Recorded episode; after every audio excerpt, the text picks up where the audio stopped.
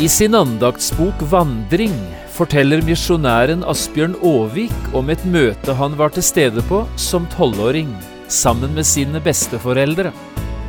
Taleren på dette møtet var en pukkelrygget skomaker som het Emil. Etter at møtet var slutt, kom skomakeren gående bort til tolvåringen. Og hva som så skjedde, det skal du få høre mer om i dette programmet.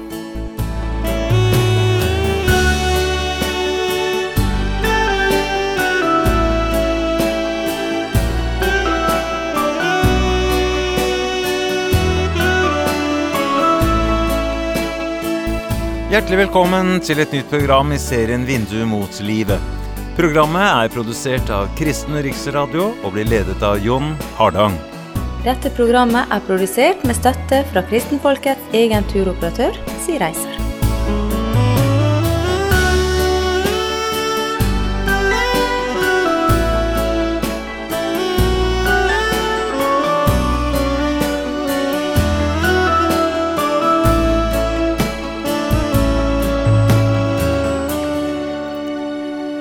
Vi skal i dag lese fra det første kapittelet i den første boken i Bibelen, altså fra Første Mosebok, kapittel 1. Du som er litt kjent i Bibelen, vet nok at innholdet i dette kapittelet er det vi kaller for skapelsesberetningen. I løpet av seks dager skapte Gud himmelen og jorden, og alt det som befinner seg både over oss, under oss og omkring oss. Det vi skal lese om i dag, er det som skjedde på den sjette og siste av skapelsesdagene. Da satte Gud kronen på skaperverket. Han skapte menneskene i sitt bilde. La oss lese dette sammen, fra Første Mosebok kapittel 1, versene 26 til 31. Jeg har kalt dagens program Hender som velsigner. Og Gud sa, La oss gjøre mennesker i vårt bilde, etter vår lignelse.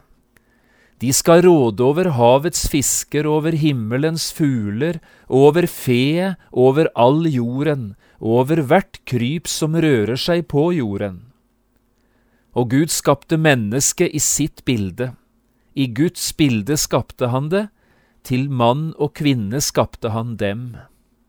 Og Gud velsignet dem og Gud sa til dem, Vær fruktbare, og bli mange og fyll jorden, og legg den under dere og råd over havets fisker og himmelens fugler, og over alt levende som rører seg på jorden.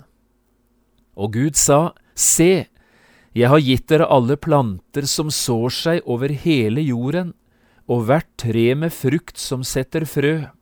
Det skal være føde for dere og til alle jordens dyr og til alle himmelens fugler og til alt som kryper på jorden, som det er levende sjel i, gir jeg alle grønne planter til føde. Og det ble slik. Og Gud så alt det han hadde gjort, og se, det var overmåte godt. Og det ble aften, og det ble morgen den sjette dagen.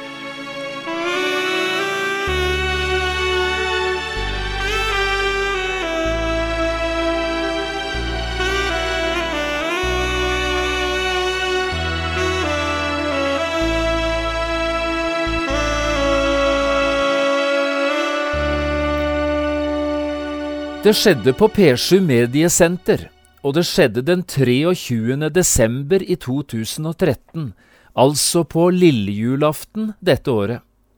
Vi satt rundt bordet inne på lunsjrommet noen stykker, den siste arbeidsdagen før jul, og vi avsluttet som vanlig lunsjen med å lese litt fra andaktsboken. Gjennom hele dette året hadde vi lest fra Asbjørn Aaviks andaktsbok Vandring og andaktsordet denne dagen var hentet fra Tredje Mosebok 9.22. Her står det slik. Aron løftet hendene over folket og velsignet dem.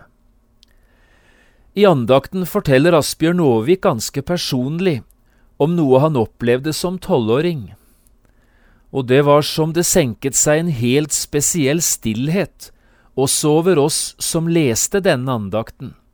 Jeg tror det vi leste, gjorde inntrykk på de fleste av oss. I dag har jeg lyst til å dele denne andakten, også med deg som nå sitter og lytter. Hør hva Asbjørn Aavik forteller. Emil skomaker hørte til i min hjembygd. Han sydde sko og han lappet fottøy sammen igjen etter års slitasje. En gudfryktig mann, men fra barndommen av pukkelrygget. Som voksen, gjennom mange år, var han kretsleser i sognet. Det vil si en av de åtte–ti menn som ved hvert nyttår ble valgt ut til å reise rundt om i bygdene og holde søndagsmøter i skolehusene. Foreldrene mine var døde, men besteforeldrene tok meg med til skolehuset og til Emils preken. Alle prekener har jeg glemt, men jeg husker Emil grunnet den store pukkelen. Det var bare så vidt han fikk hodet opp over kateterets lesehøyde. Ved avslutningen av et slikt møte sto jeg der som tolvåring, sammen med noen fra min slekt. Utenfor sto forspent hest og ventet. Da er det denne fromme skomaker kommer bort til oss, legger hendene på hodet mitt og ber spesielt for meg. Selv om jeg glemte alle hans taler, husker jeg den bønnen. Det føltes så underlig der, under ru og slitte skomakerhender.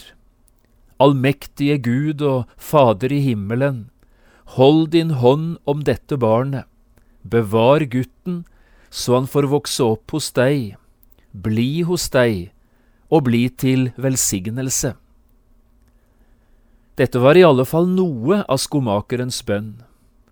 Han var sikkert selv grepet av noe, og slik ledet til denne uventede handling. Det var så stille omkring oss i det gamle skolerommet. Hest og kjerre ventet utenfor ved en trapp. Helt opp til denne dag husker jeg varmen fra disse hender. Hva var det som ledet han? Jeg skal aldri få vite det. Jeg vet bare at han var en slik Aron i sin tid i vårt sokken. Med sin gamle hest og et dårlig kjøretøy fant han mang en søndag fram til bortgjemte heiegårder, hvor gamle og syke lå og ventet på døden.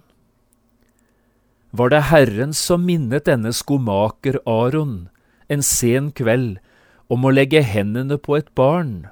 som nå har nådd høy alder, men som i stillheten fortsatt kjenner varmen fra skomakerens hender.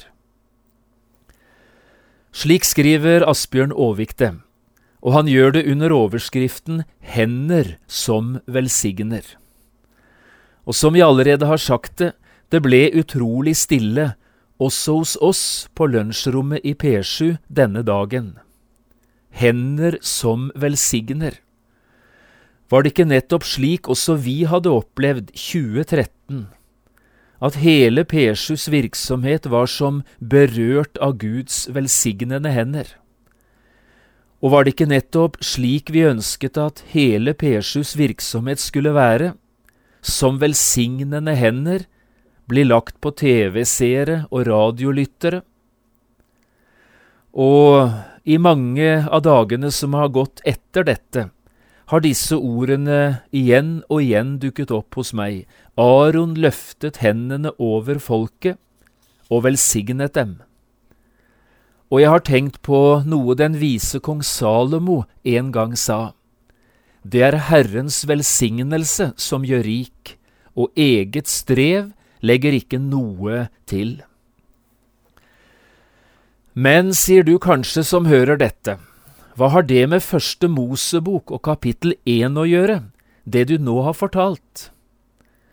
Jo, det har faktisk mye med skapelsesberetningen å gjøre, spør du meg.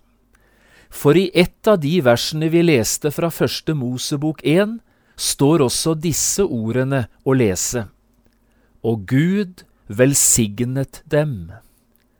Ordene står i vers 28.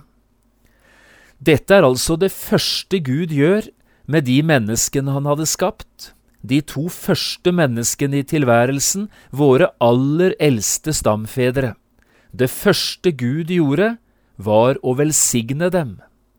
Siden talte han til dem, delte fellesskap med dem, veiledet menneskene, korrigerte dem, osv., osv. Men det første Gud gjorde, var altså å velsigne dem.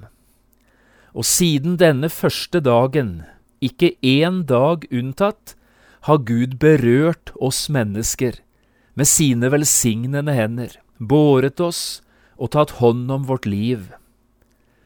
Og Gud velsignet dem, leste vi her. Slik har Gud gjort det, og slik ønsker Gud fortsatt å gjøre det. Slik ønsker han å lede oss inn i et liv, et rikt liv, under sine egne hender som velsigner.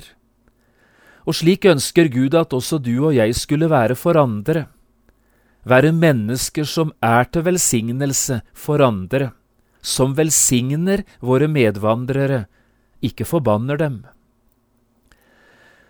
Det å være menneske er en velsignelse i seg selv, en stor velsignelse.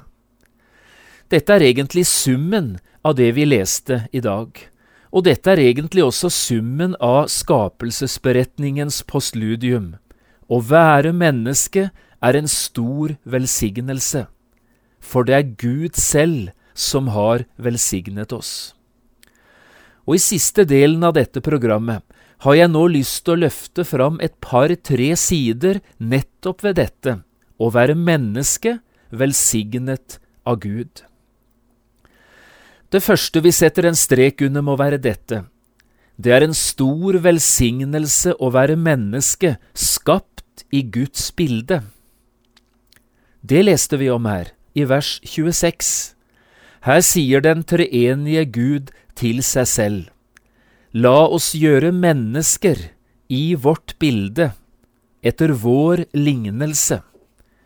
Det var tanken Gud hadde, og i vers etter, i vers 27, blir tanken til virkelighet. Og Gud skapte mennesket i sitt bilde. I Guds bilde skapte han det, til mann og kvinne skapte han dem.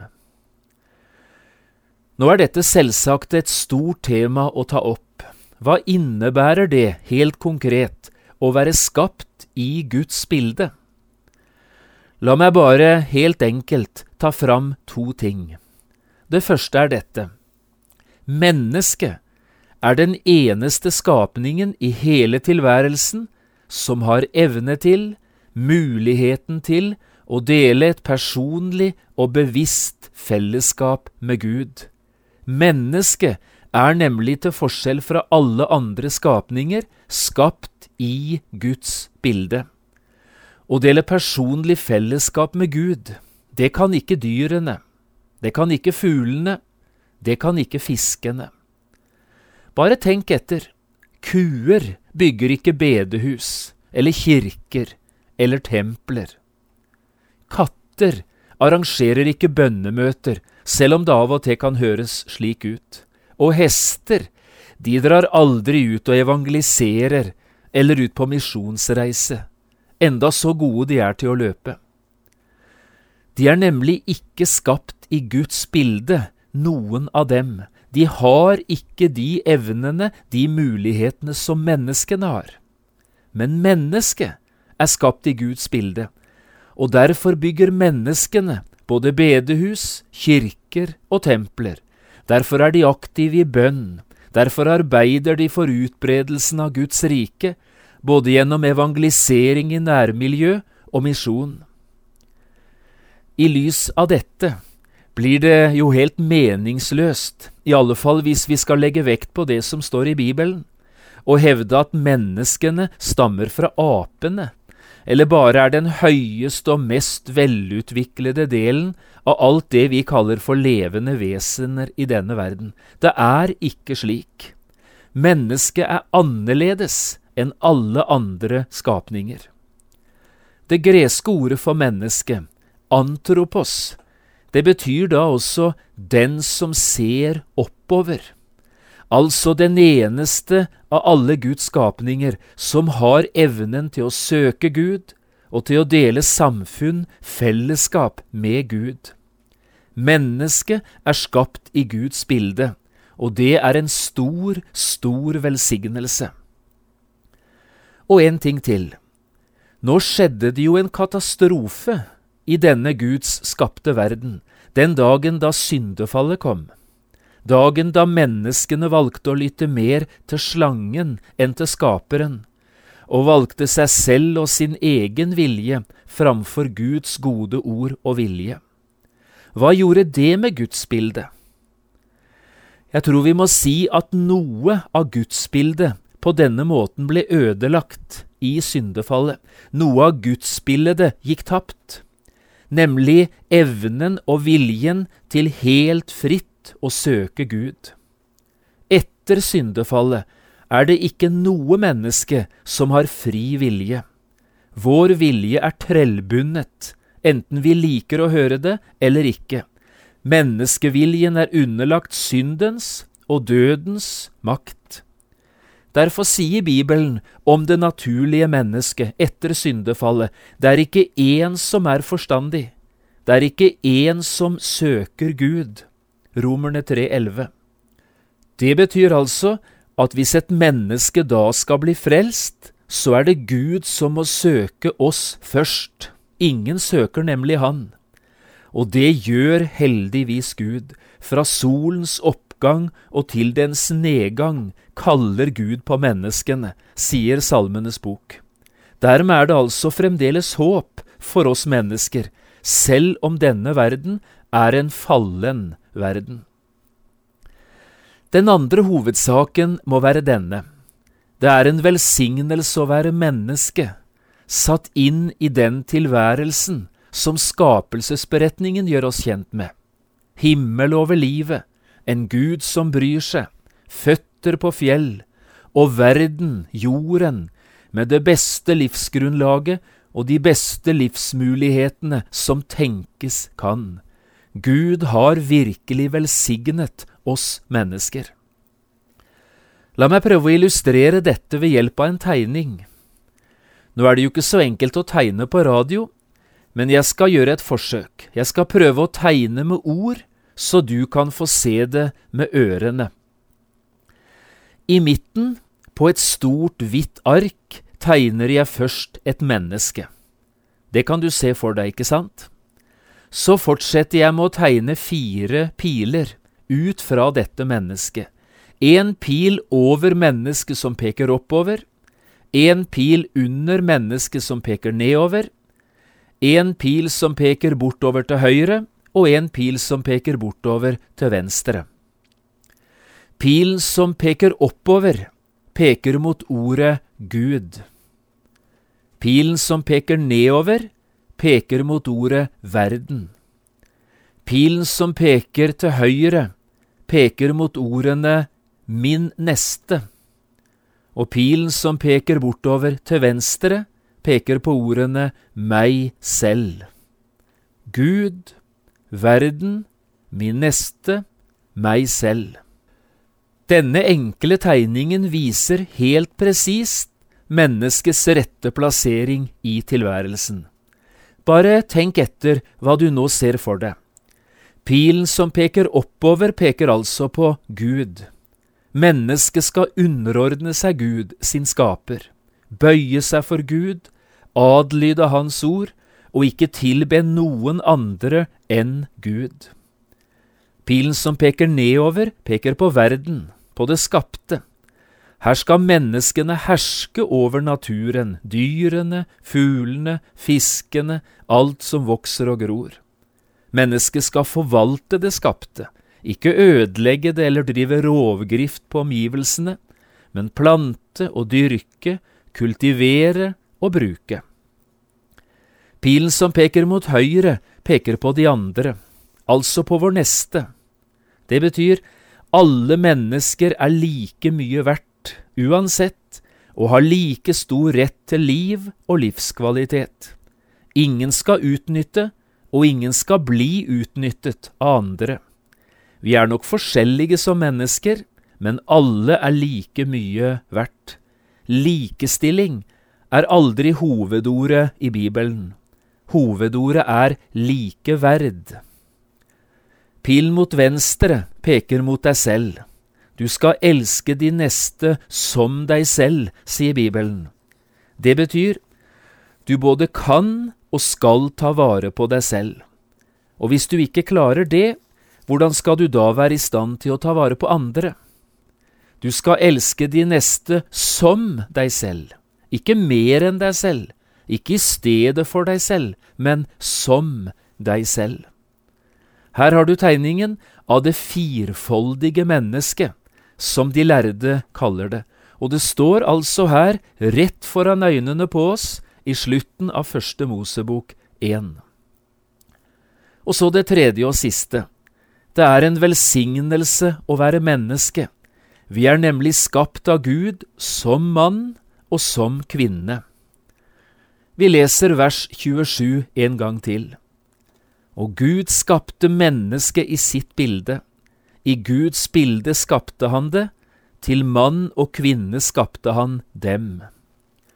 Slik dette verset er formulert i den hebraiske teksten, kan de lærde fortelle oss, så er kjønnsforskjellen, kjønnsbetoningen, mye sterkere betont på hebraisk enn det kommer fram i vår norske oversettelse. Til mannlig og kvinnelig skapte han dem. Sagt på en annen måte, Gud skapte menneskene som et mannlig menneske og som et kvinnelig menneske. Kjønnsforskjellen, Alt dette spennende og alle de spenningene som ligger i denne forskjellen, dette er altså ikke et resultat av syndefallet, slik noen syns å hevde. Tvert imot, dette er villet av Gud, helt fra begynnelsen.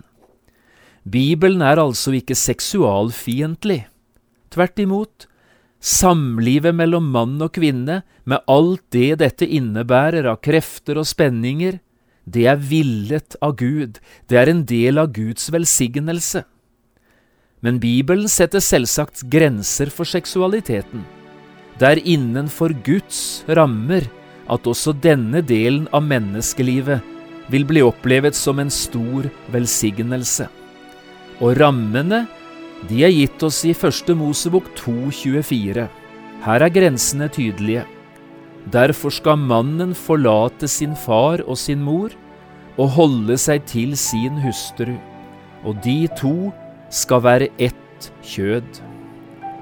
Gud velsignet dem, leste vi i dag, og dette gjelder altså mennesket skapt av Gud.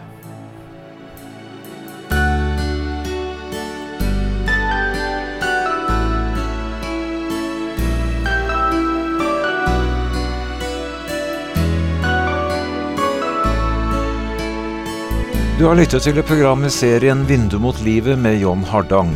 Programmene i denne serien kan også kjøpes på CD fra Kristen Riksradio, eller høres på internett på p7.no. Har du spørsmål eller kommentarer til det du nå har hørt, kan du ta kontakt med oss. Adressen er Kristen Riksradio, Skiene 2, 5353 Straume. Eller send en e-post vml alfakrøll p7.no. Takk for i dag, og på gjenhør.